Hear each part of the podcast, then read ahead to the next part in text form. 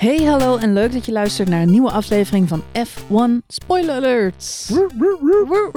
We zijn er weer. We zijn er weer. De derde race op rij, de triple header in de Formule 1. Hij zit erop. Hij zit erop. We zijn begonnen Vakantie. met twee keer Oostenrijk. Dat mogen we niet zeggen, maar we zeggen het lekker toch.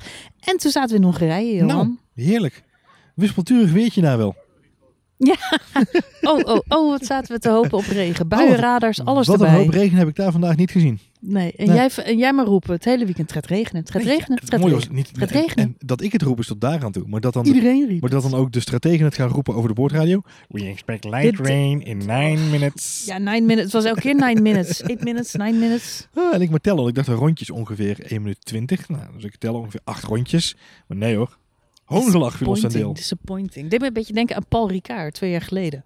Ja, dat ook, zaten wij op het circuit en de enorme zwa inktzwarte wolken ja. aan de horizon. In vrije training was compleet verregend. ik het maar zeggen. Ja. die hele race bleef het droog. Ja. En we zaten nog niet in de auto de parkeerplaats af. Of er kwam echt een moesson naar beneden. Zo. Dat wil je niet weten. En ik, ik kan me nog herinneren dat wij daar op die vrije training stonden. En dat, dat jij, ehm, jij dacht, fuck it. Ik ga daar gewoon staan. Eh, dus jij stond daar, eh Ja, natte het-. Ja, het- ik denk regen. Dit Ja. houdt vanzelf een keer op. Ik ben Nederlander. Dit is gewoon een Ik zomerdagje kan bij wel ons. tegen een beetje regen. Bij ons Nou, maar ik moet stad. erbij zeggen, het was ook een snikhete dag. Het was 30 Het was graden. 30 dus ik dacht, graden inderdaad. Ja. een beetje regen. Kan geen kwaad. Het bleek toch iets meer te zijn dan je dacht. Nee, Ja. het duurde echt een uur. Die vrije training was inderdaad behoorlijk verregen. Zo king wet. En het, het, het Maar- meest bizarre van Paul Ricard weet ik nog, is dat jij... eh, Daarna was het gewoon weer 30 graden. Dus je was ook in een half uur weer droog. know, maar je had van die hele, eh, van die hele mooie witte Adidas gimpen aangedaan. Ja, die kon ik weggooien daarna. En, en, en rondom Paul Ricard, voor de mensen die wel zijn geweest, of misschien nog nooit zijn geweest, maar eh, als je er wel bent geweest, woestijn. weet je dat dat gewoon als een soort bosrijke ja, het soort Burning Man. Maar dan zonder allemaal van die rare kunstwerken. Le Burning Man. Yes. De Er kunst- liepen wel heel veel Fransen met picknickbandjes rond. En een stokbroodje onder hun arm. Maar goed, eh, Frankrijk gaan we niet heen Daar dit zijn we jaar. niet geweest. nee. Hongarije wel. Het was anders, zonder publiek. Ja. Op Nico Rosberg na. Ja. Die was wel. Juichend voor Valtteri Bottas. Ja, Ja, Dat is heerlijk. mooi, hè? Ja, prachtig. Goed getimed Ik heb erg gelachen om eh, de memes die nu ro- rondgaan op Twitter. Dit is een screenshot van, van rondje 41 in de race. Ja, Dan zie je Lewis Hamilton zie je zeg maar in zijn uppie Ja. Rijden. En daarachter, één hand op bestuur. Ja. ja, daarachter is heel groot zeg maar dat scherm waarop al die ehm, succeswensen. Ja, er precies. kwamen Ja. fans in beeld. Dat was een beetje het idee volgens mij. Maar het waren niet alleen maar fans, het waren ook bekende sporters, waaronder Nico Rosberg. Maar Ja. het is super weird eh, om hem daar Daar te zien ze, juichen. daar hebben ze wel over nagedacht, denk ik. Ja. Ja, het was, ik zag iemand twitteren, this is the saddest thing I've seen today. en het was het ook gewoon echt. Ik zat ook tijdens de race ik wat de fuck doet Nico Rosberg daar met zijn, Ja. met zijn nep juichje. Maar goed, er gaat een meme rond dat dat gewoon dus, dat je daar alles op kan zetten. Die is fantastisch. Oh, heerlijk. Dan de reclame van Kimi Räikkönen komt langs. Kimi Räikkönen heeft reclame gemaakt. Ja. Moet je even kijken. Oh. En er is ook de Formule 1 tune, de openingstune. Ja. Daar is, die is hergemaakt, maar Oh. in elk shot eh, heeft elke coureur dan zo'n Colgate smile. Oh, Heb je die gezien? Nee, nog niet. Oh, die is briljant. Oh, die moet ik even kijken. Ja. Nee, goed. Al die memes komen langs op die Alonso, uiteraard. Oh, heerlijk. Dus, anyway, Waarom ik komt zal Alonso- wel... eh, Alonso komt volgend jaar weer op de grid terug. Dus ik hoef hem voorlopig niet meer memes te zien. Nee. Ja. nee, ja, nou typisch. goed, hij zit daar wel eh, tussen. Maar Hey, ik heb erg gelachen om die memes. Frankrijk kwam Maar vandaag... laten we het over de race hebben. zeggen, Frankrijk kwam, het- vandaag, Frankrijk kwam vandaag wel voorbij natuurlijk in de, in de, eh, in de, de, de, de nieuwsvergaring rondom deze Grand Prix. Want met zijn achtste overwinning is dit de meest succesvolle Grand Prix van Lewis Hamilton alle tijden. Ja, inderdaad. En het record daarvan was eh, ook acht volgens mij uit mijn hoofd. Michael Schumacher. Michael Schumacher in, eh, op Magny-Cours in Frankrijk. Eh, ja, was dat in Frankrijk? Ja, Ja, oh ja, verrek. ja. Ik dacht, want Hongarije heeft hij ook heel veel gewonnen. oh, is het zo? Gooi ik nu Volgens mij heeft hij ook acht keer in Hongarije gewonnen, maar ik dat ga weet nu niet niet googlen. Ik kan zijn dat ik Nee. door elkaar heen gooi. Het is laat, Die man jongens. heeft zoveel races gereden. Het deed me wel realiseren dat eh, volgend jaar, het jaar wordt dat zo'n beetje elk Schumacher-record gaat sneuvelen. Ja, dat zei hem een traantje op je, op je wang vandaag. Ja, soort van. Nee, nou, ik moet, eh, we hebben het veel en vaak over. En ik zie het bij Ziggo Sport wordt ook altijd weer genoemd. Zo, "Oh, we zijn geen fan van Hamilton, maar hij kan wel rijden. Eh, eh, eh, eh, ik moet me eh, eh, wij zeggen het ook vaak in deze Zeker. podcast. Ja, ja, ja. ja. Ehm, maar ik, ik realiseerde me van de week. Destijds was dat met Schumacher precies hetzelfde. Klopt. Eh, niemand was fan van Schumacher. Ik kende niemand die fan was van Schumacher. Eh, in de begindagen wel, toen hij bij Benetton reed en de teamgenoot was van Jos Verstappen. Toen was iedereen wel Schumacher-fan. Eh, maar ja, toen kwamen die grapjes met eh Villeneuve en, en Hill. En toen Ja. had toch zoiets, oeh, hij is een beetje Hmm. dubieus. En bij, ja, bij Ferrari begon hij alles te winnen. Hij is gewoon vijf keer op rij wereldkampioen geworden met een Ferrari. was zo saai. Ja. was zo verschrikkelijk saai. Ik moet wel zeggen dat ehm, de Formule 1 in die tijd was veel saaier dan de Formule 1 nu. De afgelopen drie races waren geen slechte races. Nee, nou, dat is, goed- dat is een leuk... Ik zou niet willen zeggen, à la Rob Campus, dat dit een van de beste Grand Prix van de afgelopen tien jaar was. Daar ben ik het niet helemaal mee eens. Maar Nee. het was wel het was een leuke race. Het was een goede race. Nou, wat, wat eh, en dat is grappig dat je dat zegt, want ik, hetgene wat ik me eh, bedacht toen ik vandaag eh, eh, in, mijn, in mijn bolletje zat na te evalueren van deze race, is het is natuurlijk verschrikkelijk tranentrekkend om te zien hoe verschrikkelijk goed die Mercedes is. Daar gaan we misschien nog, wel even over hebben. Die, die nieuwe auto van Mercedes en de coureurs die erin zitten, dat zijn gewoon, eh, dat is een lopende machine, letterlijk en figuurlijk. Eh, da- daar kun je weinig tegen inbrengen. Maar wat daarachter gebeurt, is spannender dan ik de afgelopen jaren heb meegemaakt. En wij doen de podcast nu sinds 2017. En ik denk oprecht dat dit qua strijd wat we zien, maar ook de intensiteit van de gevechten die we zien op de baan, dat dit misschien wel een van de meest leuke en uitdagende seizoenen is die we de afgelopen vier jaar eh, hebben gemaakt. Zien. Ja, behalve dat je nu eigenlijk zou moeten besluiten om Lewis Hamilton en Mercedes gewoon het kampioenschap te geven. Ja, mag, ja, ja. mag Mercedes vanaf nu niet meer meedoen. En dan kan de Ah, rest van de teams gewoon eh Dat kunnen wij- race gaan Dat kunnen wij nu besluiten. Nee, dat kunnen wij nu besluiten in deze podcast, Marjolein. Of we kunnen gewoon nog drie races wachten. Dan is het zover. Dan hebben ze dat ook gewoon Ja, maar het probleem is, dan doen ze nog steeds mee. En dan wil Lewis Hamilton nog steeds elke race winnen. En ik geef hem geen ongelijk. Nee. Alleen voor de neutrale kijker is het... Ja, het is natuurlijk wel een beetje jammer dat je altijd eh, hem op podium hebt. En dat zeg ik met, met heel veel respect. Want de man is verbluffend goed. Hij is zo goed dat hij het vandaag gewoon rustig aan kon doen. Ja. Eh, Hij de- had één vuistje in de lucht en één bij handje. nou ja, je zag het ook. Hij kwam de auto uit en ik, ja, hij was gewoon super, super mega relaxed. Maar je zag het ook gewoon zijn rondetijden. Ja, ja, ja. Want hij hield in. En waar eh, Bottas eh, eigenlijk gewoon snelste ronde en snelste ronde in de laatste stint nog eruit perste, deed Hamilton dat in de middensector van de race. Ja. Eh, wat wel grappig was, want volgens mij klaagde hij over de boordradio dat zijn banden op waren. Hij had wat last van de stabiliteit inderdaad. Ja, ja. ja, ja, die tires are gone. En vervolgens de snelste ronde. Snelste precies. dus hield maar niet op. Maar eh, vervolgens aan het eind van de race, eh, en dat is natuurlijk ook een beetje het berekenende van zijn team. Wat je bij Red Bull gelukkig vandaag ook een beetje terugzag. Als je maar je voorsprong lang genoeg kunt uitbouwen. Eh, ja, dan, eh, dan ben je gewoon eh, zeker van je overwinning. Hij hoefde niet meer op het laatst. Hij Nee. reed echt, hij reed 1.19. Terwijl Bottas nog 1.17 aan de stampen was. Omdat hij natuurlijk Max Verstappen nog in moest halen. Hij moest 18,5 Wilde seconden goed maken inderdaad. Ja. En dat kreeg hij over het uit. En toen ging hij stampen als een malle. Ja. Terwijl Lewis Hamilton op dat moment al, want Bottas had al geswitcht van bandjes. Ja, moet ik wel bij zeggen, de Bottas een extra pitstop gemaakt Ja. heeft. Die Lewis Hamilton uiteindelijk niet gemaakt heeft. Dus ik zei ook nog ergens halverwege de- dat Lewis Hamilton ook gewoon een slimme bandenmanager is. Want je zag Ja. wel die, eh, die eh, Amazon-statistiek steeds weer in beeld Ja. van... eh, ja, nou ja, dat, de, hè, de tires van Lewis Hamilton. Het valt Ja. mij dan toch wel op dat de tires van Max en van Bottas veel meer te verduren hadden deze Mhm. race. Wat ook logisch was, want die zaten in een gevecht verwikkeld. Maar goed, het geeft bezig. alleen maar aan hoe Lewis Hamilton het eigenlijk... Nou, redelijk makkelijk had vandaag. Als hij, als hij Eh, niet want had van de Red Bull had hij echt gewoon helemaal niks te vrezen. Nee. En Bottas, die moest van ver komen. En, eh, en dat scheelt. relatief ver. Ja. En Ja. Wat, kijk, wat, wat gewoon opvallend is, is als hij had gewild, Mhm. dan had hij deze race op die medium tires, eh, de medium banden waar hij op reed, had hij die race kunnen uitrijden. Had hij keurig zijn eh, 26 seconden, 27 seconden voorsprong op Max Verstappen gehouden. Eh, dat, was, dat was een heel reëel scenario geweest. Had hij alleen niet de snelste ronde gehad. En nu had hij gewoon nog de luxe om inderdaad drie rondes of vier rondes voor het einde even naar binnen te gaan. Even wat rode, wat rode wangetjes erop te zetten. En, eh, en nog even die snelste ronde te pakken. Ja, wat ik ook trouwens ontzettend knap vind, want hij kwam terug in verkeer. Ja. We hebben de snelste ronde uiteindelijk niet volledig in beeld gezien, maar ik zag wel dat hij terug de baan op kwam met vier auto's voor zijn Ja, hij kwam Net het, zoals Max Verstappen hij vorige kwam week. in het eh, treintje met Ricciardo Ja. en, eh, en andere mensen inderdaad. Dus dat was een behoorlijke, behoorlijke reis inderdaad, ja. Nee. Goed. Goed, andere planeet dus, Lewis Hamilton. Ook deze Ja. week weer. Ja, daar doe je niks aan. Mercedes is buitenaard, moet ik wel bij zeggen. Laten we het even over Bottas hebben dan. Nou, heel even dan. Niet te lang hoor. Nee, maar het, het doet me, het deed, Bottas doet me wel elke keer realiseren eh, hoe oneerlijk het is als je in een Mercedes rijdt. Ja. Eh, want ik zeg vaak, Bottas is geen pannenkoek, het is geen slechte coureur. Mhm. Vandaag was niet Bottas beste race. Eh, we zien hem op de eerste plaats, we zien hem een jumpstart maken. We zien hem een jumpstart maken, maar hij maakt geen jumpstart, moet ik daarbij zeggen. Want een formele jumpstart is alleen zo als de sensoren het registreren. En dat was niet het geval. Dus voor iedereen die zich afvraagt van waarom kreeg Bottas daar dan? penalty voor? Ja, ik zie hem daar wegrijden. Mhm. Nou, dat heeft alles met die sensoren te maken. Vorig jaar bij Vettel gebeurde precies Japan, hetzelfde. Toch? Ja, Japan. Ja. En, Het is gewoon een eh, marge, punt. Eh daar kunnen we langer Ja, doen. Ja een maar goed. En uiteindelijk, en dat is, dat is wel zo. Veel mensen zeggen, ja, maar het is Utrecht. uh. Maar hij heeft er ook geen voordeel van. Want hij, hij, Nee. hij jumpt en dan staat hij weer stil. En eigenlijk verprutst hij compleet zijn start. En Ja. dat was bij Vettel vorig jaar precies hetzelfde. Ja. Eh, dus is het fair dat je daar geen penalty voor krijgt? Ja, ik denk het. En, en het mooie was dat inderdaad Japan was een goed voorbeeld. Want daar zat Bottas eigenlijk in dezelfde flow als Vettel. En waar Vettel hem verprutste, had Bottas de wel de perfecte start. En daardoor kon hij echt heel goed weg doen in Japan. Kan ik me nog herinneren dat het echt een, een schoolvoorbeeld was van een hele goede start. Eh, en dit jaar uh, ja, verprutste hij met Hongarije op deze manier. Hij was afgeleid, Marjolein. Er begon een lampje te Ja, knippen er begon een lampje te knipperen op zijn dashboard. levensgevaarlijk, knipperende Oh. lampjes ook allemaal.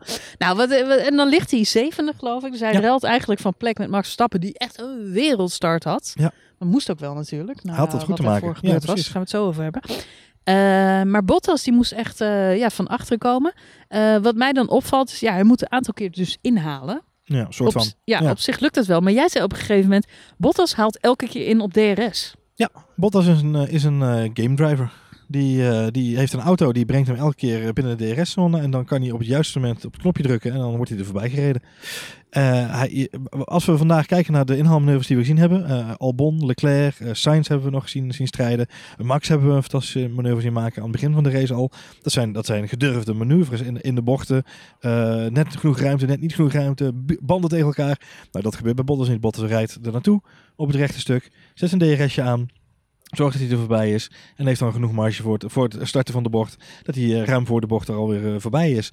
Dat is hoe Valtteri- Bottas het doet.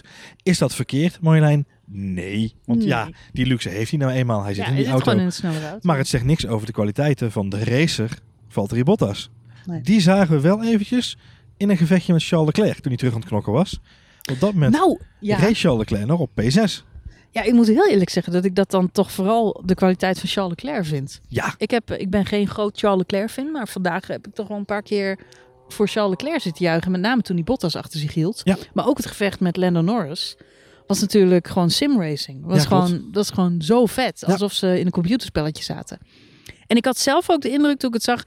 eh, ja, die, eh, met name Norris en eh, Leclerc, die gasten die hebben elkaar ja, virtueel zoveel ge, geraced, geraced. tegen elkaar Ja, tegen geraced geraced, Ja. dat ze elkaars trucjes en lijnen ook wel een beetje kennen, waardoor ze weten welke manoeuvres moet maken.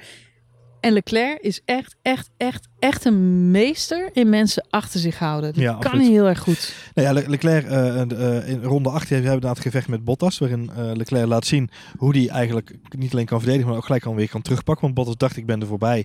Maar Leclerc in dan eigenlijk de tragere Ferrari pakt hem dan toch weer terug op gewoon slim race manoeuvre. Want dat is even hè, de, de racing instinct van een persoon. Leclerc duwt hem dan op het nat. Dat vind ik, vond ik een fantastische move. Hij dwingt hem om op het nat te gaan en dan moet Bottas inhouden. Want die heeft daar geen grip. Mm. Dus dat was echt heel cool om te zien dat hij daar uh, uh, zo goed mee, uh, mee omging. Um, het andere wat mij opviel was um, het gevecht met Albon en Leclerc. Waarin Leclerc mm. ook laat zien hoe goed hij die auto ja, eigenlijk breed kan maken. Mensen zeggen altijd, ja dat klinkt een beetje abstract. Hij maakt de auto lekker breed. Maar dat, dat, zo ziet het er echt uit. Ja, ik kan het niet anders omschrijven. Het, is, het enige wat ik kon, kon zien bij het gevecht met Albon was inderdaad... Kijk nou, hij zorgt, die auto lijkt wel in één keer 10, 20 centimeter breder aan elke kant.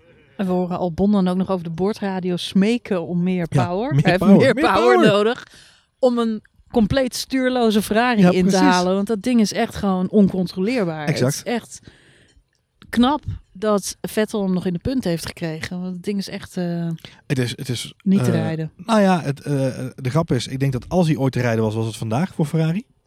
Uh, als er ooit een moment was waarin het nog een beetje te doen was voor die auto's, zoals het dit weekend. Zeker omdat Red Bull natuurlijk gewoon uh, uh, eigenlijk de bal had laten liggen, om het zo maar even te zeggen.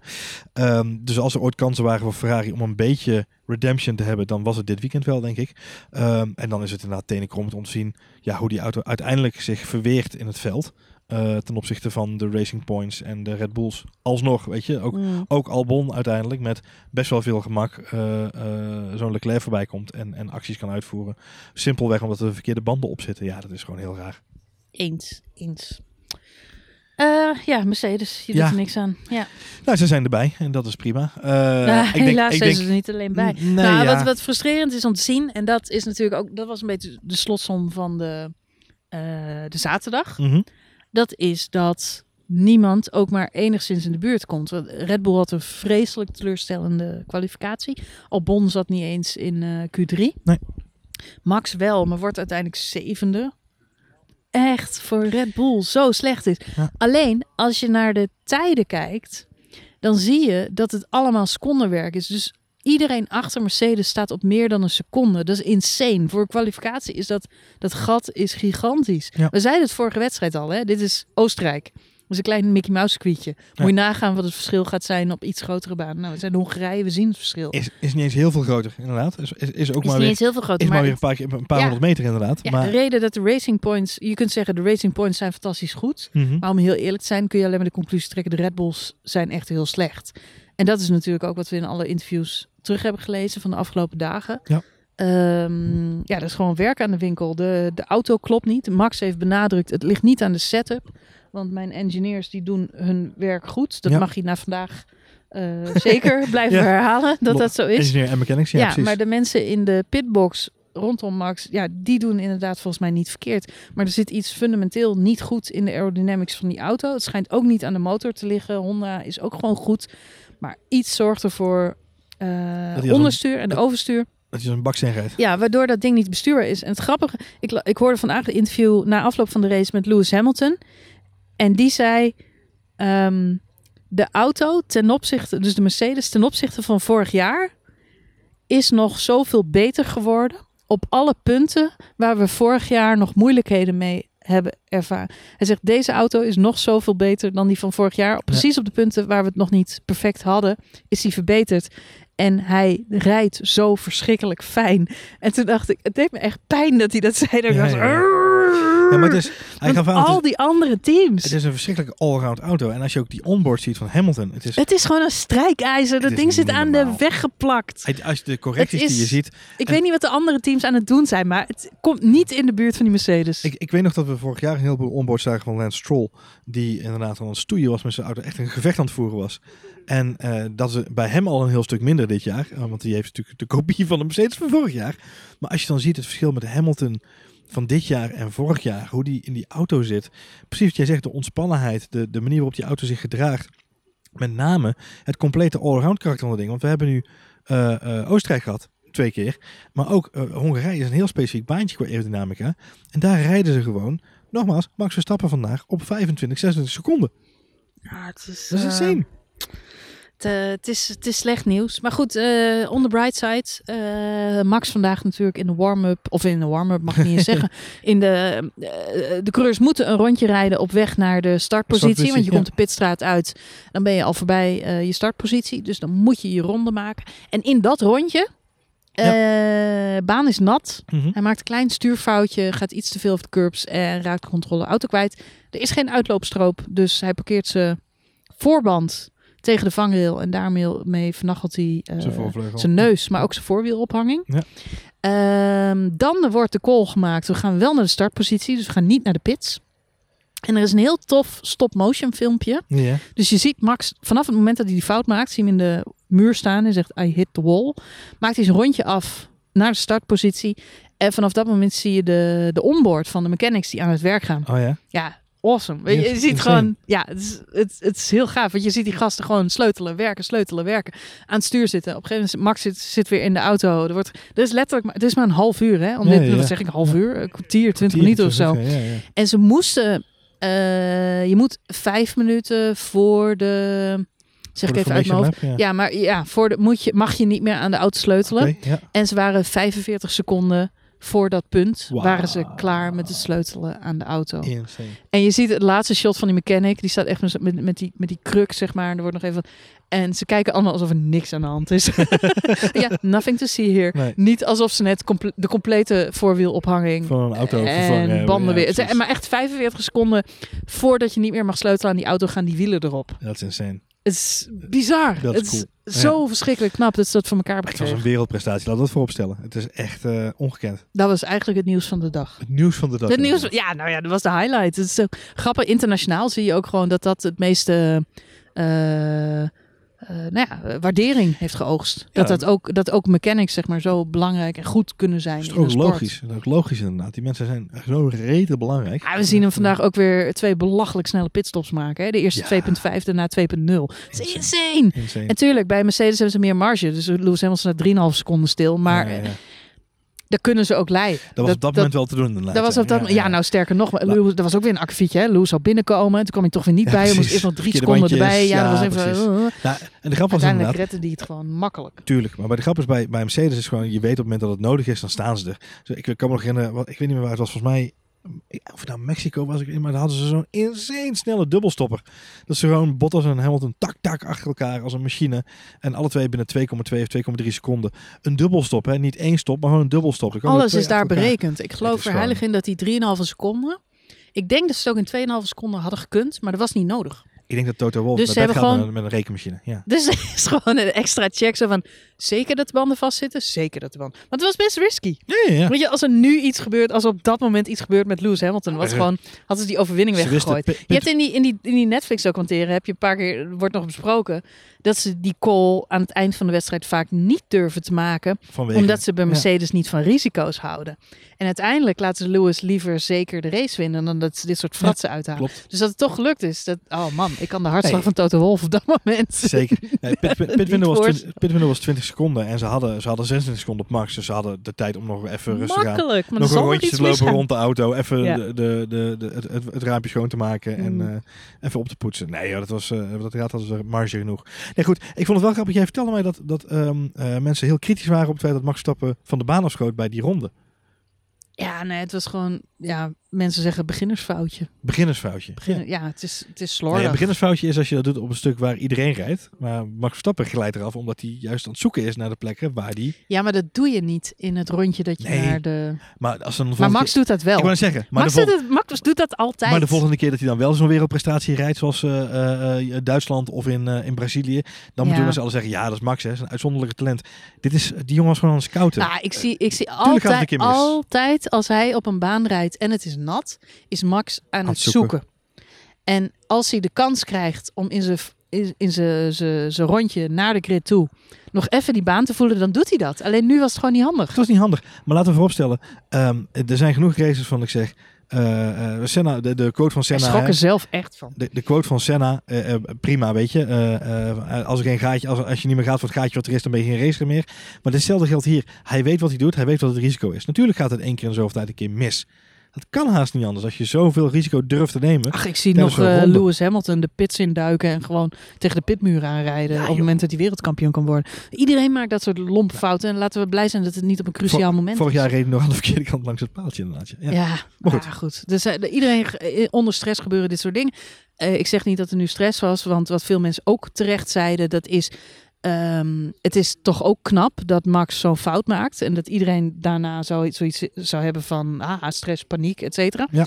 En hij maakt de wereldstart die hij maakt. Ik wou het zeggen. Van plek 7 naar plek 3. Op een andere lijn waar dus niemand wilde rijden daar aan de buitenkant. Want daar was het heel nat. Insane. Daar ging je op intermediate gewoon een lijn rijden die ja, de meeste mensen daar niet durfden te rijden. Ah, Uiteindelijk was het cruciaal voor zijn, eh, voor zijn race. Want het feit dat hij naar die derde plek rijdt en vrij snel daardoor, daarna door kan naar die tweede plek. Ja. eh, ja, dat zorgt ervoor dat hij genoeg eh, tijdmarge op kan bouwen ten opzichte van Bottas. Ja. Die een hele slechte start heeft. En ja, uiteindelijk levert hem dat de tweede plek op eh, ten koste van Bottas. Want had, had de race twee, drie ronden langer geduurd, of had hij dus met andere woorden minder seconden voorsprong opgebouwd, had Bottas hem ingehaald en eh, was hij derde geworden. Eens. De, de crux voor Red Bull en de, de, eh, de rekenwonders bij Red Bull gaan vanavond ook tevreden naar bed.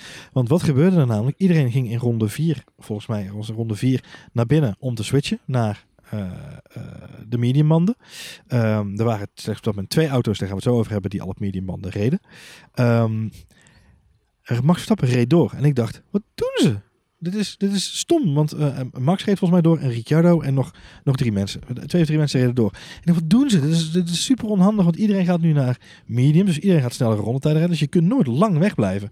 Maar binnen een ronde was Max ook binnen. En dat gat wat hij gecreëerd had in die ronde, was precies genoeg om hem dus uiteindelijk gewoon safe te laten pitten. Want hij pitte van, eh, volgens mij was dat op dat moment eh, P2 naar P2. Ja, um, dat is een safe stop. Safe stop. Dat is gewoon insane. Ik vond het zo slim bedacht. Ja, zijn team had dat goed uitgerekend. Ja, want hij haalde door de pitstop haalde hij Lance Stroll in. En Stroll reed op dat moment uh, volgens mij uh, op P2. Uh, ja, Stroll had hij al te pakken op dat Had moment. hij al te pakken? Ja, ja. oké, zou kunnen. Hij hield gewoon zijn P2 en het hele veld ging naar binnen. Um, ja, en hij kwam gewoon goed weer terug. Hij kwam op P2 weer terug. Goed Dus daar zat natuurlijk de, de, het, het rekenwonder van, van Red Bull vandaag, om heel erg te zijn. Dat vond ik echt, uh, echt ja, piekfijn uitgerekend weer. Ook dat stukje daar. Ja, uiteindelijk is dat natuurlijk het cruciale stuk voor zijn, uh, voor zijn race. Ik vind het ook wel mooi. Hè? Iedereen heeft nu over dat uh, Max natuurlijk zijn team uitvoerig bedankte. En dat dit podium beter misschien wel voelt dan een overwinning. Ja omdat hij gisteren niet verwacht had überhaupt op het podium te staan. En na vanochtend nee. voor de race, een half uur voor de race, niet eens meer gedacht had te kunnen gaan racen. Hij dacht gewoon dat hij het verknald had. Ja. Uh, ja, dat, hij, dat hij dan überhaupt natuurlijk deze prestatie haalt, daar bedankt hij uh, zijn team voor. En uh, dat is meer dan logisch. Maar het viel me gisteren al op dat hij zich zo gauw... Er, is, er was gisteren veel gedoe rondom mm -hmm. Red Bull. De, de, auto gaat niet, hij, hij is niet snel genoeg. Uh, George Russell heeft iets gezegd in een interview over Albon. Mm -hmm. Dat hij het niet terecht vond uh, dat Albon op dit moment zoveel kritiek krijgt. En dat hij zelf het gevoel heeft dat Red Bull Albon een beetje verschut zet. Um, Max Verstappen heeft daar nog op gereageerd in een, uh, in een, uh, ook in een interview waarin hij gezegd heeft, nou Russell die moet zich vooral met zijn eigen team bemoeien, want hij heeft geen idee hoe de dingen bij Red Bull gaan. Nee. En hoe wij hier met elkaar samenwerken en welke mensen hiermee bezig zijn. En ik vond dat echt weer zo'n uh, zo, leeuw. Ja, Max Verstappen met zijn leeuw op zijn helm. Maar het, het, is echt zo iemand die voor zijn troepen gaat staan. Weet je wel? Mm -hmm. Komen ze aan mijn team, dan komen ze aan mij.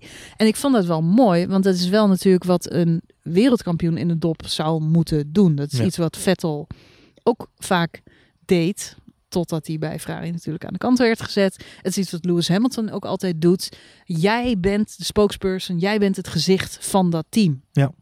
En Max nam die rol wel op zich. Ik, het is niet leuk voor George Russell, want het is een hartstikke tof gast. En die bedoelt het gewoon super sympathiek Hm. voor Albon. Voor Albon. Ja, ja, ja. Weet je, al, eigenlijk wat Russell wilde zeggen is Albon is een veel betere coureur dan dat we hem nu credit geven. Hm. Er moet wel iets mis zijn met die auto, want Albon is gewoon een echt begnadigd Formule 1 coureur. Eh, en hij staat nu een beetje alsof hij het niet kan, maar dat is niet waar. En dat Hmm. doet hij om Albon natuurlijk ook te beschermen voor hetzelfde lot wat Gasly vorig jaar getroffen is. Dat hij helemaal af wordt gemaakt in de pers, in de media, door zijn team, weg wordt, terug wordt geplaatst, et cetera. Dus eh, super sympathiek van Russell. Maar, Maar ik begrijp Max ook, die gewoon voor zijn team gaat staan en zegt: Jongen, moet je niet mee bemoeien. Je hebt geen idee hoe hard er gewerkt wordt. En die jongens hier bij Red Bull, die zijn niet gek en, en meiden. Die doen fantastisch werk en die zorgen dat wij eh, zo goed mogelijk ten tonele verschijnen. Dus ik vond van Max ook wel een goede actie. ik ben me sowieso wel, ik heb me sowieso verbaasd over het feit dat George Russell het nodig vond om daar een opmerking over te plaatsen. Wat ik in, Ja, de, maar dat doet hij voor Albon. Die, die gasten zijn goed bevriend. wat ik in de vorige podcast al zei, ik verbaas me een beetje over de, de, nou, de volwassenheid en ook een beetje de, misschien wel de misplaatste volwassenheid in dit geval van George Russell. Eh, bij Williams heeft hij natuurlijk ook al een aantal keren nu het woord genomen en, eh, en zich uitgesproken over het team en over zijn rol binnen het team. En ik blijf, di- di- ik blijf dit doen en we gaan als team doen we dat. Ehm, maar daarbovenop eh, vind ik het ook nogal wat om zo'n uitspraak te doen inderdaad over een ander team. Vanuit een positie waar je staat op de grid met je Williams ehm, en waar je elke race rondrijdt, is het nogal gedurfd om, eh, om je daarmee te gaan bemoeien. Ik vind het een, heel, een hele typische manoeuvre van George Russell. Ook een beetje PR-stuntje moet ik heel eerlijk zeggen hoor. Maar goed, goed, er is niemand die daar eh, heel vies van is in de Formule 1 denk ik. Dus eh, Nee, ik wou zeggen, hij is eh, lekker onder de aandacht. eh, zo is het maar net. En eh, misschien dat hij volgend jaar dan alsnog eh, niet bij Mercedes terecht kan. Want dat is allemaal al geregeld. Dus ja, Ik wou net zeggen, dat gaat gewoon... eh, ik zat wel te denken, eh, Hamilton gaat nog een jaartje door. Bottas gaat nog een jaartje door. Bottas gaat nog een jaartje door. Ja. Eh, Bottas was erg teleurgesteld hè, over het resultaat van deze wedstrijd. Ja, terecht. Hij zei in een interview, hij zegt, eh, ja, natuurlijk is Lewis Hamilton nu de leider in het kampioenschap. maar dat kan zomaar weer veranderen. Zo is het. Valtteri. Maar laten we niet vergeten, we zijn drie races in het wereldkampioenschap. Maar vandaag is Valtteri Bottas zijn eerste positie in het wereldkampioenschap kwijtgeraakt. Ja, ja. Het is nog niet zo lang, maar het was voor hem wel een tragisch moment. Jazeker. Ja, ik denk dat hij er vanavond extra hard afscheid van moet nemen inderdaad. Misschien gaat Hij was even- echt teleurgesteld. Hij, sauna. zich, Ja. hij is echt bezig wereldkampioen te worden. Hij, hij zei in alle interviews zei hij van Ja, maar nogmaals, volgende race dan, dat moet dan iedere ga ik weer sporter- terug. Dit is niet de gewenste uitslag. dat moet iedere sporter op die plek. Ik bedoel, als je Ja, daar nee, niet zit. het, het enige is wat gewoon heel jammer is, is dat de hele wereld ziet dat hij dat niet gaat worden, omdat Lewis Hamilton naast hem staat. Maar als sporter moet je altijd in ieder geval het idee hebben dat je wereldkampioen gaat worden. Anders kun je net gewoon 's ochtends niet opstaan. Hm. Ehm, eh, en, dus ik snap hem wel. Alleen hij moet zich ook realiseren welk team die rijdt. En, en wat hij dan. eh, Nogmaals, als, als when push comes to shove. eh, over, we zijn eh, drie races onderweg. Er zijn er nu tien. Hè, op dit moment zijn er gepland. Dus nog een kleine twee, drie races gaan. Dan zijn we op, op slash over de helft. Ehm, en als dan Lewis Hamilton zijn voorsprong niet ver genoeg uitgebreid is. Dan gaan we in de tweede helft van deze, van deze competitie gaan we zien dat er teamorders gaan komen. En dan wordt Valtteri Bottas gewoon op zijn plek gezet. Dus hij kan hem beter nu kwijtraken. Eh, en zijn gezicht behouden, zeg maar. Dan eh, nu denken dat hij wereldkampioen kan worden. En dan hele rare manier gezichtsverlies gaan leiden aan het einde van het seizoen. Want onderaan de streep, als de strijd gaat tussen Valtteri Bottas en Lewis Hamilton. En daar ziet het natuurlijk wel naar uit op dit moment. Ja, dan gaat Mercedes altijd kiezen om Lewis Hamilton wereldkampioen te maken. Arme Valtteri. Arme Valtteri. Hoe zie jij de ontwikkeling van de auto's eh, nu verder voor je? Want er zijn natuurlijk nog steeds wat interessante ontwikkelingen gaande. Mhm. Ehm, Renault heeft vandaag weer een protest ingediend tegen eh, Racing Point. Ja. Dus hetzelfde protest als vorige week. Ja, dat is gewoon een herhaling van het Ja, protest. ja, Ja, ja, maar dus gaan ze eh, volgende week weer doen hoor, als het nodig is. Ja. Volgende week zijn ze Nee, geen niet, race, maar goed, de ja. week daarop De zeker. volgende race bedoel ik. Ja. Maar het ziet er naar uit, tenminste, de FIA heeft aangegeven dat het de bedoeling is dat er eh, tussen nu en de Grand Prix van Silverstone een uitspraak komt op die Racing Duct. bezwaar. Ja. Ja, oké. Het is eh, gewoon hetzelfde protest wat ze hebben ingediend. Blijkbaar is dat een eh, formality om dat nog een keer te doen, om onder de aandacht te brengen. Ehm, maar goed, er komt een uitspraak dus op. Dus dat verhaaltje loopt. Mogen er nou, ja, mag een Mercedes gekopieerd worden? Eh, ik ben met name heel erg geïnteresseerd in die uitspraak, omdat mocht het worden goedgekeurd, dan betekent dat eigenlijk min of meer dat het elk team in de Formule 1 vrij staat om een Mercedes gewoon compleet na te bouwen. Dus dat, dat wordt natuurlijk een, een verhaal. Eh, daarnaast eh, zien we de Racing Point weer fantastisch presteren dit weekend. Mhm. Met andere woorden, als Seb Vettel daar daadwerkelijk aan de slag gaat, en dat wordt bekend de komende tijd, dan, dan heeft hij gewoon een meesterzet gemaakt door daarheen te gaan. Want dan zit hij in een betere auto dan dat hij nu zit. Dus Ja, eh, wie had ja. dat gedacht? Mhm, Nou, mhm. eigenlijk is hij dan nog eh, beter af. Eh, tenzij de auto natuurlijk ja, ongeldig wordt verklaard. Ja. En, en ze opnieuw moeten beginnen. Wat natuurlijk heel pijnlijk zou zijn. Dus daar zitten wat interessant ontwikkelen. Wingelingen. Aan de andere kant eh, las ik van de week ook een artikel dat er nog meer eh, dingen zijn. Je hebt het vaak gehad over de regels voor 2021. Mhm. Die zijn uitgesteld. Dat betekent 2021 rijden we met dezelfde auto's. Ehm, dat betekent ook dat er op dit moment eigenlijk niet doorontwikkeld mag worden. Wat voor ons als fans allemaal best wel zorgwekkend is. Dat betekent dat wat er nu staat volgend seizoen ongeveer hetzelfde is. Dus met andere woorden, kijken we volgend jaar wederom naar Mercedes 1-2'tjes en de rest van het veld rotzooit maar wat aan. Met de kleine kanttekening dat elk team blijkbaar eh, een soort eh, joker heeft gekregen. Ze mogen twee fundamentele onderdelen aan de auto wijzigen. Nou is er door een aantal teams een kleine loophole gevonden in dat reglement. Elk team mag dus twee keer een wildcard inzetten om iets aan te passen. Dus je mag bijvoorbeeld de versnellingsbak compleet vervangen. Mhm. Ik noem maar wat.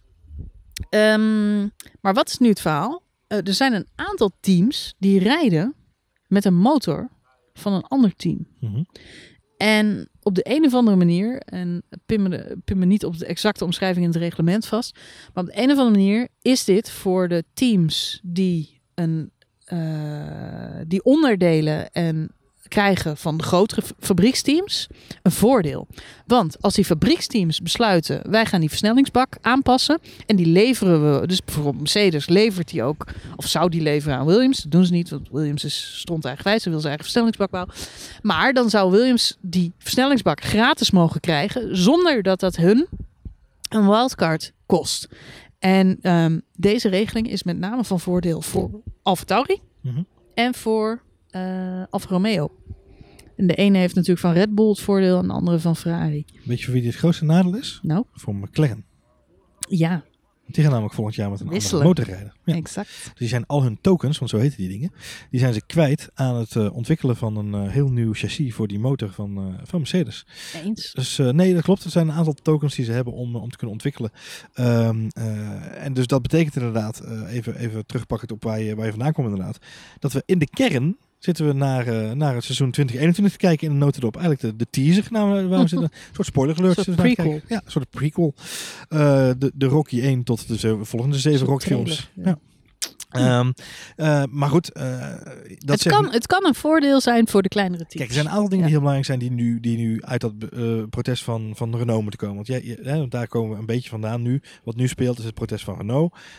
Dat pakt een aantal mazen in een wet beet die wel belangrijk zijn voor de ontwikkeling van de sport. En ook na 2021. Want het geeft namelijk aan waar ligt de grens tussen zelf ontwikkelen en waar ligt de grens tussen goed kopiëren.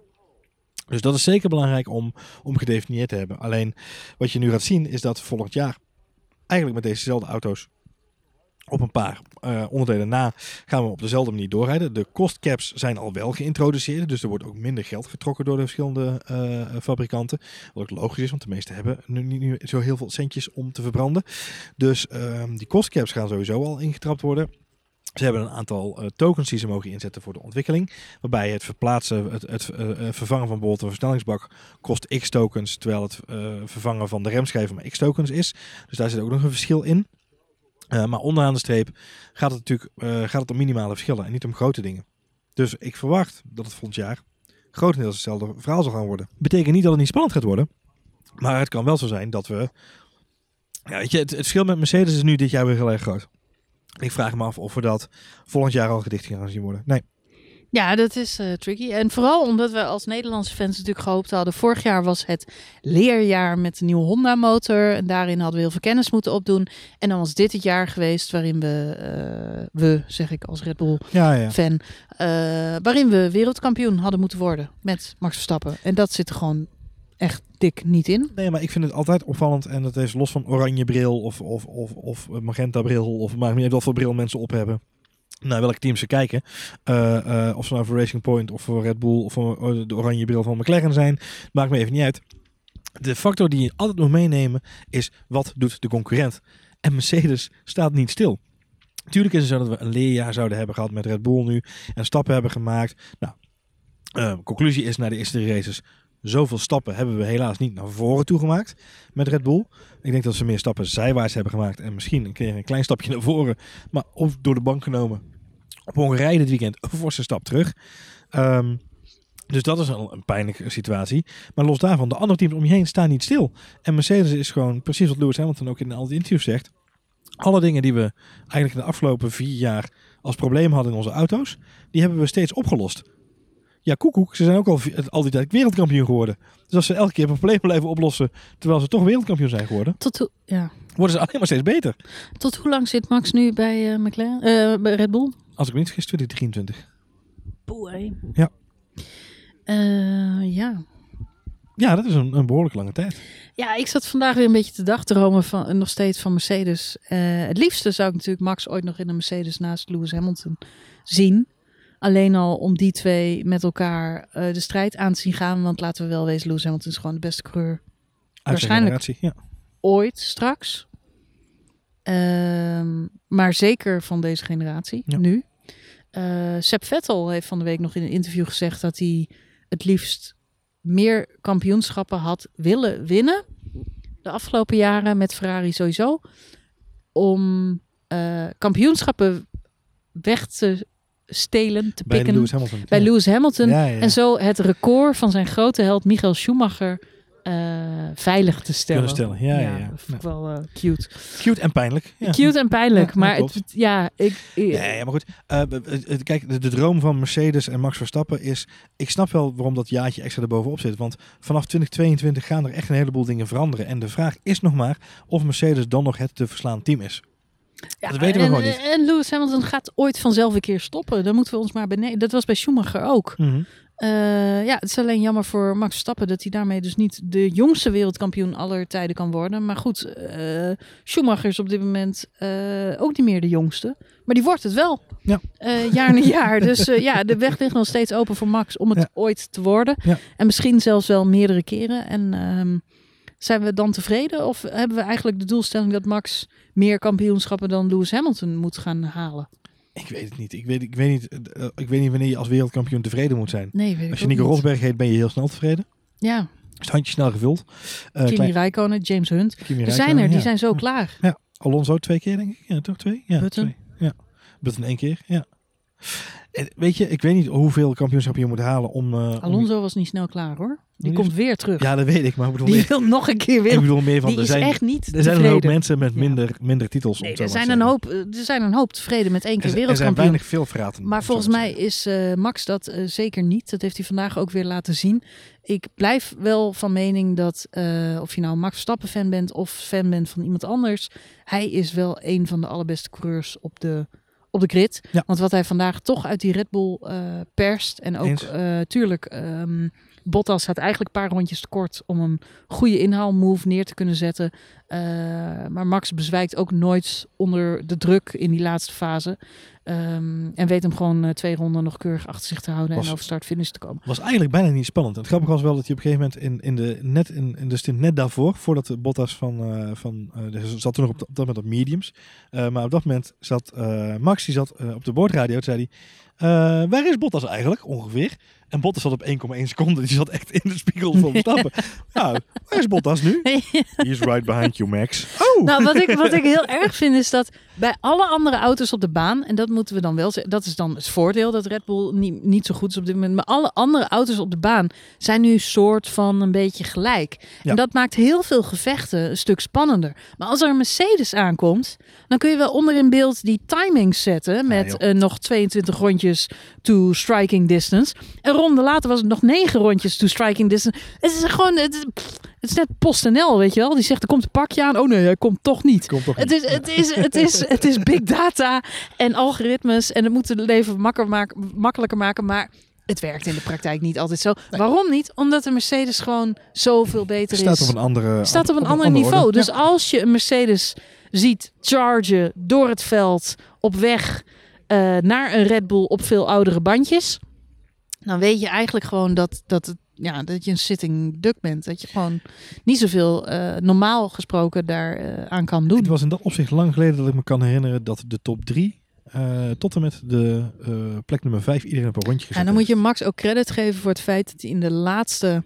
eh, dus Bottas is nog voor een extra pitstop gegaan, want hij zat al achter Max. Ja. Toen we- werd het al spannend. Toen ging hij weer naar binnen. Ja, Toen dachten we 20 seconden, nu gaan we het redden. Maar er waren nog 20 rondjes te gaan. En toch kwam hij weer aan Hij kwam weer aan de, achterbak Ja. van. Maar dat heeft lang geduurd. Want Max heeft hem erg lang op 9 seconden weten te houden.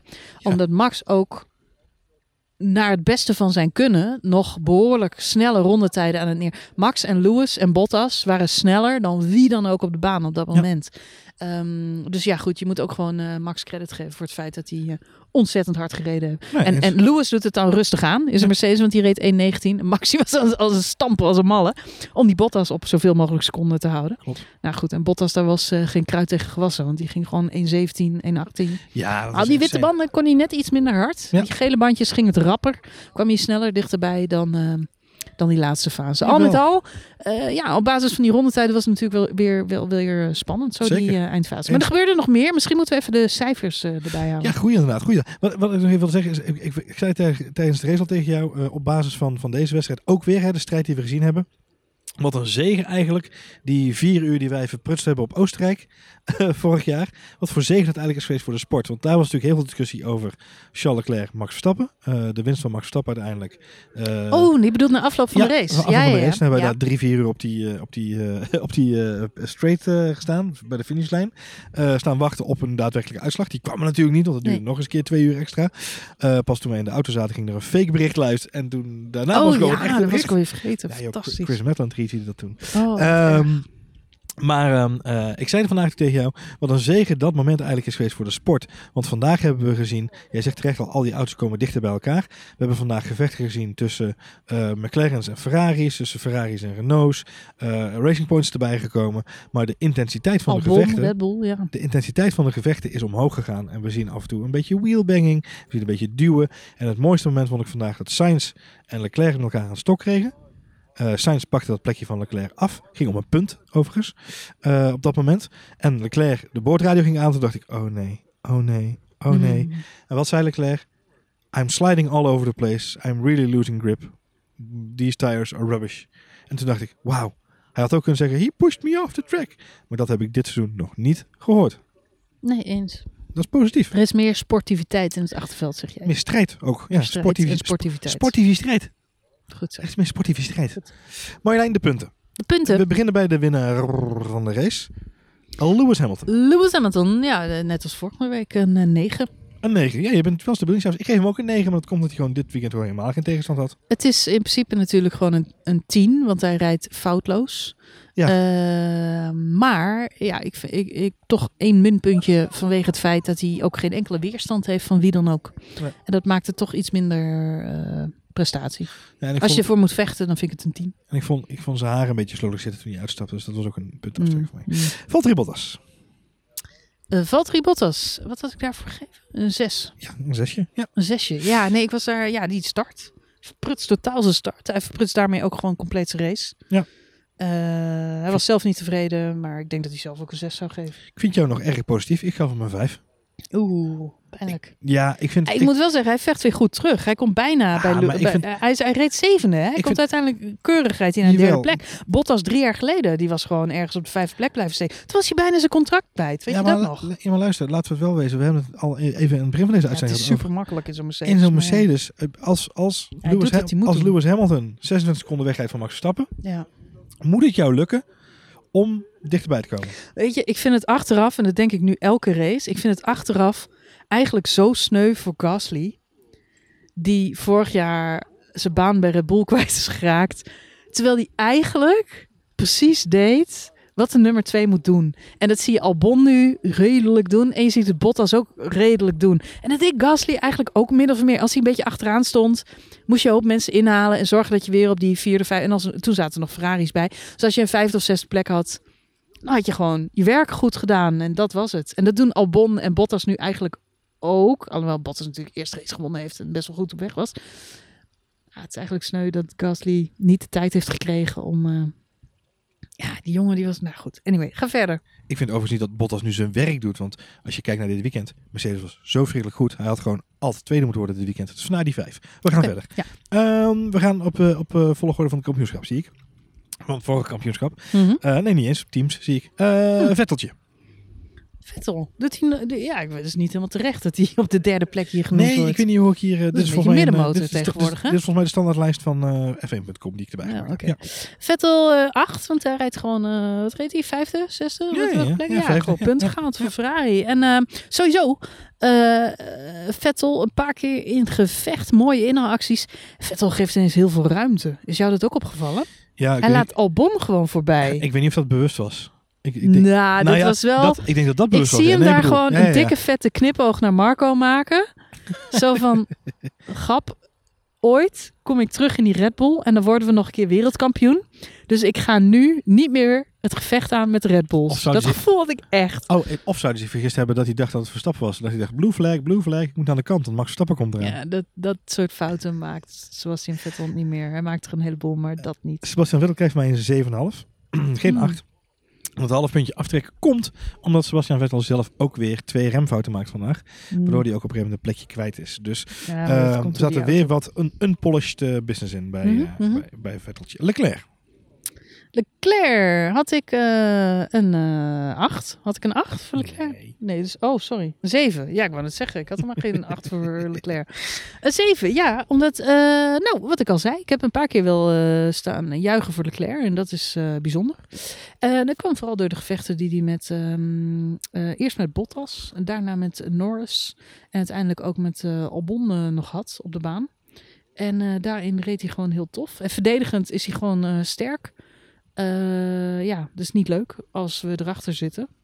Maar als, eh, als het om eh, andere mensen gaat, dan is het niet zo erg. En dan rijdt hij eigenlijk best wel goed. Alleen ja, hij had geen punten. Dus eh, uiteindelijk is het dan toch maar een 7. Nou, bij, mij, bij mij een 5. Ik vond hem gewoon niet goed vandaag. Nee? Oh. Nee, ik vond hem te veel bezig met de randzaken. Hm. Eh, hij was te veel in het achterveld aan het stoeien. hij werd ook gepiepeld door die pitstopstrategie. Hij werd veel te lang buiten gehouden. Tuurlijk zit het allemaal- Uiteindelijk klaagt hij van haal me naar binnen, haal Ja. me naar binnen. En dan wordt hij ook gewoon naar binnen gehaald. En dan denk ik, het is altijd raar als een coureur in de auto de pitstopstrategie bepaalt. Want dan gaat er iets niet goed aan de pitmuur. En dat is al de zoveelste keer bij Ferrari dat dat gebeurt. Nou ja, goed. Ik, ik vond hem vandaag eh, niet opvallen. En, eh, en als je teamgenoot zo goed presteert, ja, dan moet je daar op zijn minst in ieder geval binnen de punten mee rijden met die rode auto, lijkt mij. Max Verstappen. Een 8. Ja, ja heel goed. Ik zeg een 8,5. Een 8, want hij rijdt een fantastische race. Echt een fantastische race. Knappe tweede plek. Eh, start, briljant. Ik ga hem straks nog tien keer terugkijken, want het was gewoon fantastisch. Alleen puntje aftrek voor eh, zijn foutje Oh. in de warm-up Oké, lap. ja. De, Oké. Ja. Ja. Dat is natuurlijk wel een stom foutje, maar dat weet hij zelf ook. Nou ja, voor mij een half puntje erbij. eh, eh, omdat hij het maximale uit een auto weet te trekken na een weekend wat eh, dramatisch was vanaf dag Mhm, 1. mhm. Op het moment dat er eh, vier wielen op het rubber stonden daar, eh, of het asfalt stonden daar in, eh, in Hongarije, is er bij Red Bull gekonkel en gedoe.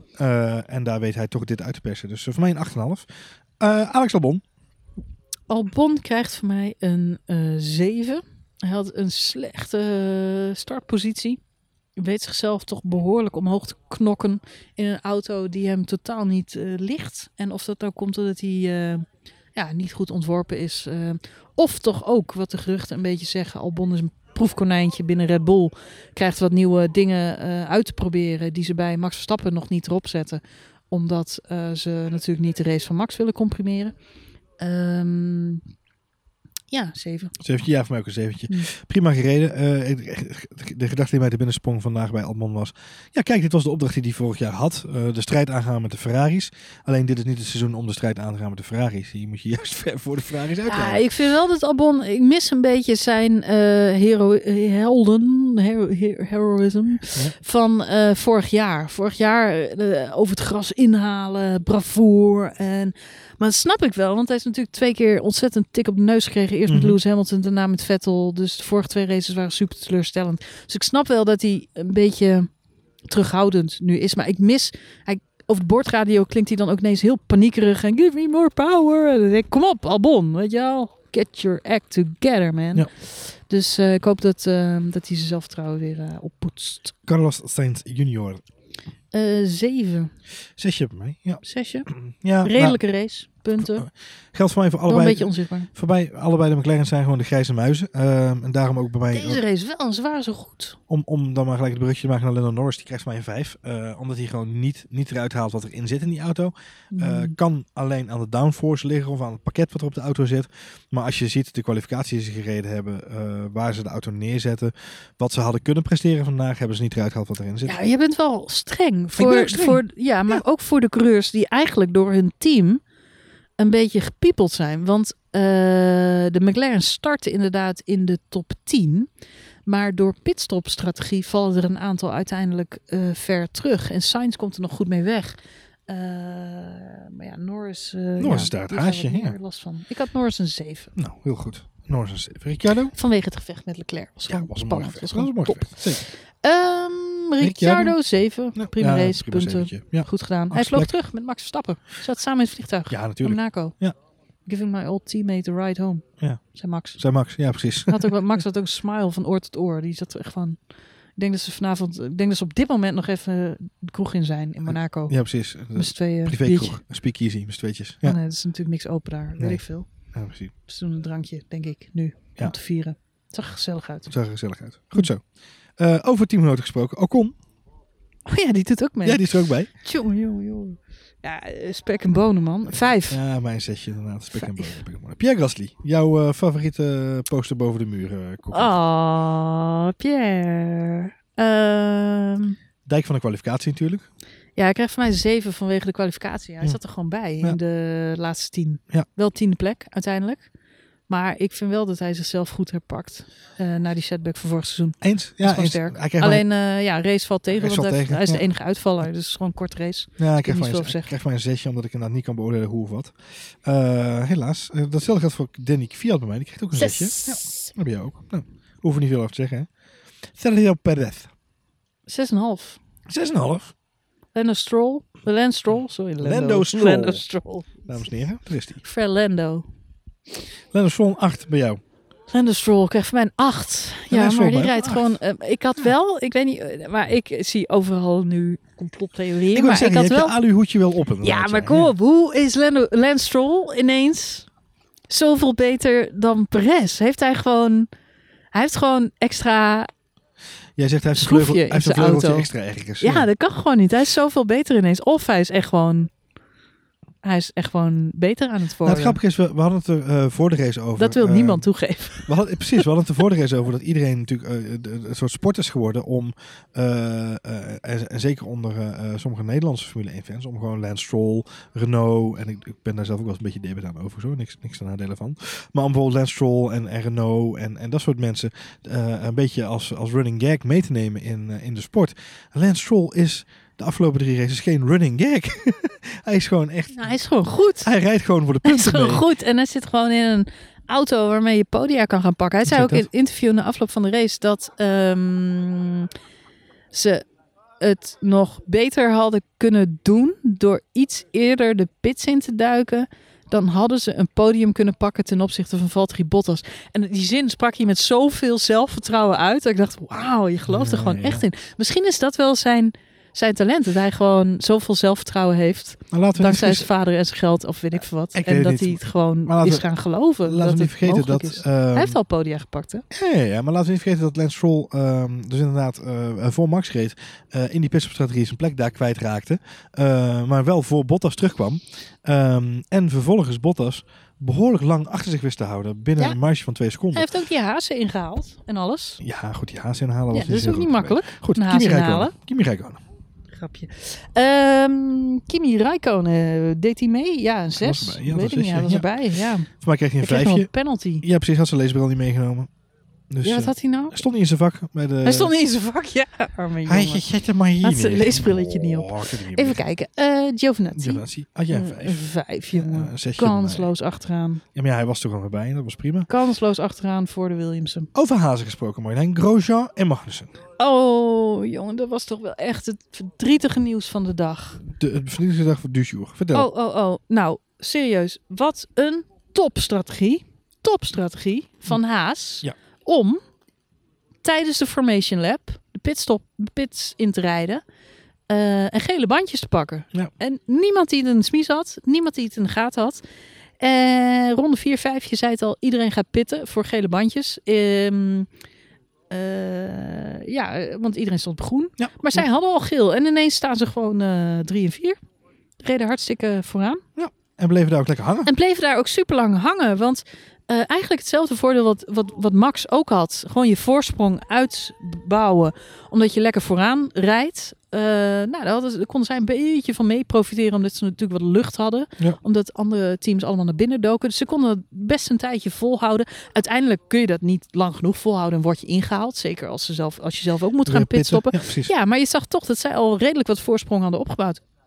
Waardoor eh, Kevin Magnussen uiteindelijk negende finished.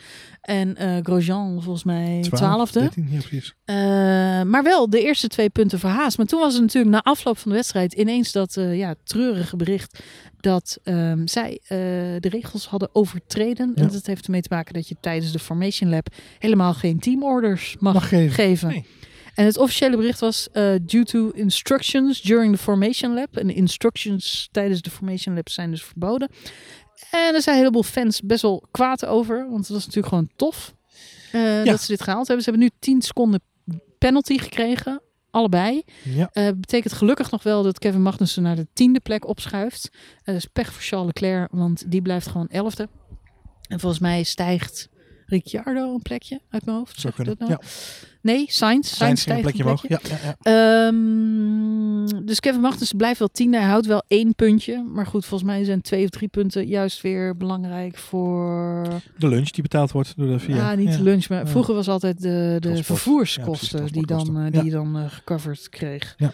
Dus Nou, ze eh, ja, het eh, ja, nou ja, zijn ze op zijn weg. op weg, maar hoe groot is de kans dat, je, dat je punten haalt? Gunther Steiner zei het heel treffend in een interview. Hij zei, eh, ja, we moeten iets anders doen, want op, ehm, op snelheid gaan wij nooit iets winnen.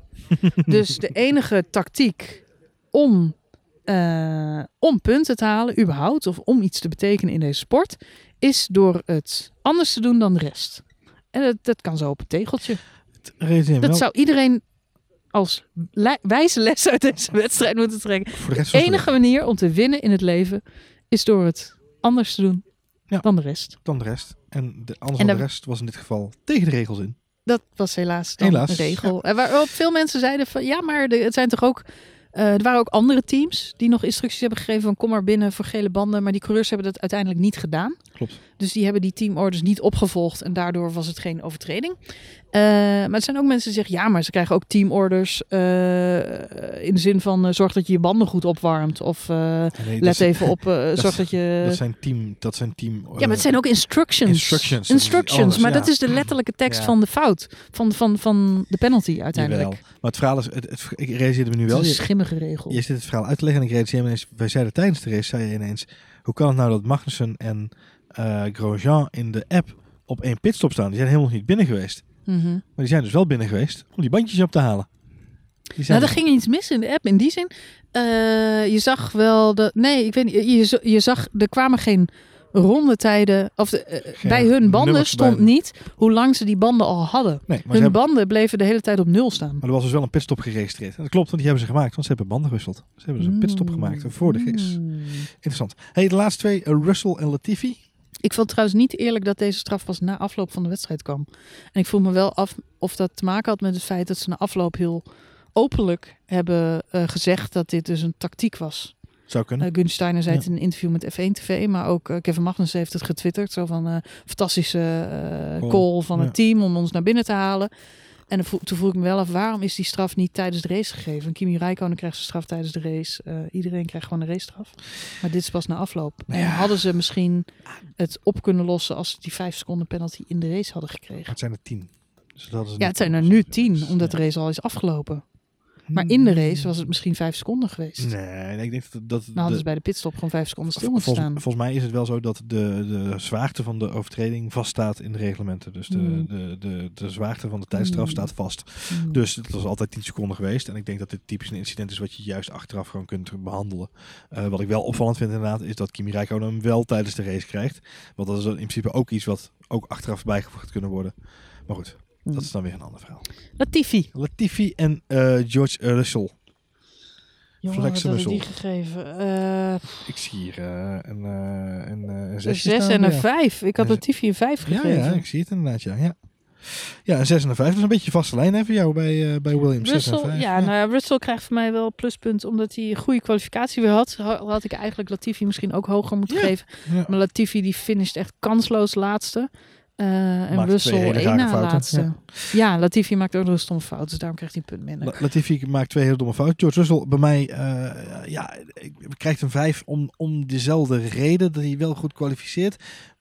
Maar tegelijkertijd, de grote mond die George Russell heeft, wordt niet gebackupt met het keer behalen van een goed resultaat. Want hij heeft nu al een aantal keren, nu twee keer achter elkaar die auto naar die, tegen die top 10 aangeschuurd. Maar dan vervolgens eh, in de race verprutst hij het toch weer, waardoor hij eh, toch weer achteraan staat koekeloeren. En nu ook weer, eh, weer kansloos achteraan. Dus denk ik, ja, weet je. ehm, Er zijn toch wel een paar teams die nu in quali ineens positief opvallen. maar die het in de race niet waarmaken. Het zij op strategie, maar ook gewoon op snelheid. eens. Dus ehm, Al met al. Al met al, We, we hebben er toch weer een euro vol weten te lullen. het was best een leuke race. Wat Het geef was- je de race voor het, was de het was de beste race alle tijden volgens Rob Campus. Nou, Ehm, zo zei hij het niet. Nee, Maar. nee. Eh, en zo zou je het ook vast niet bedoeld hebben. Eh, ik geef deze race een 7,5. Ja, ik een 7. Ik vond het een mooie race. Het was een leuke race. Het was een leuke race. Het was entertaining. Ja, ik heb me geen seconde verveeld. Nee, maar je was ook geen moment dat je dacht, er gaat nog iets heel geks gebeuren. Behalve dan misschien There's a chance of rain in nine Oh. minutes. A chance of rain. Achteraf gezien was dat voor Wax helemaal niet zo'n goede ontwikkeling geweest, denk ik. Nee, iedereen zegt van, oh, we hadden meer regen Nou, hebben. had maar- hem misschien kunnen winnen. Misschien. Nee, geen, geen, geen, geen, Nee? Nogmaals, dan was het hele veld dichter bij elkaar komen te liggen. Ook een safety car, hè? dat is hetzelfde verhaal. Dan was het hele veld weer bij elkaar komen te, te liggen. Dat Mm. gat wat hij dus had ten opzichte van Bottas is hij kwijt. Mm. Dat gat naar Hamilton, dat rijdt Hamilton lachend weer, de- de- de- weer weg bij hem. Want, eh, Als een safety car was geweest, dan had hij het gewoon niet gewonnen van Bottas. nee, Is jongen, de hele wedstrijd geen safety car geweest. Nee, gelukkig niet. Jongen, jongen. Prijs de heer, Jongen, jongen. prijs de hemel. Geen Nou, regen. mooi. Mooi. Goed, we hebben een weekje rust.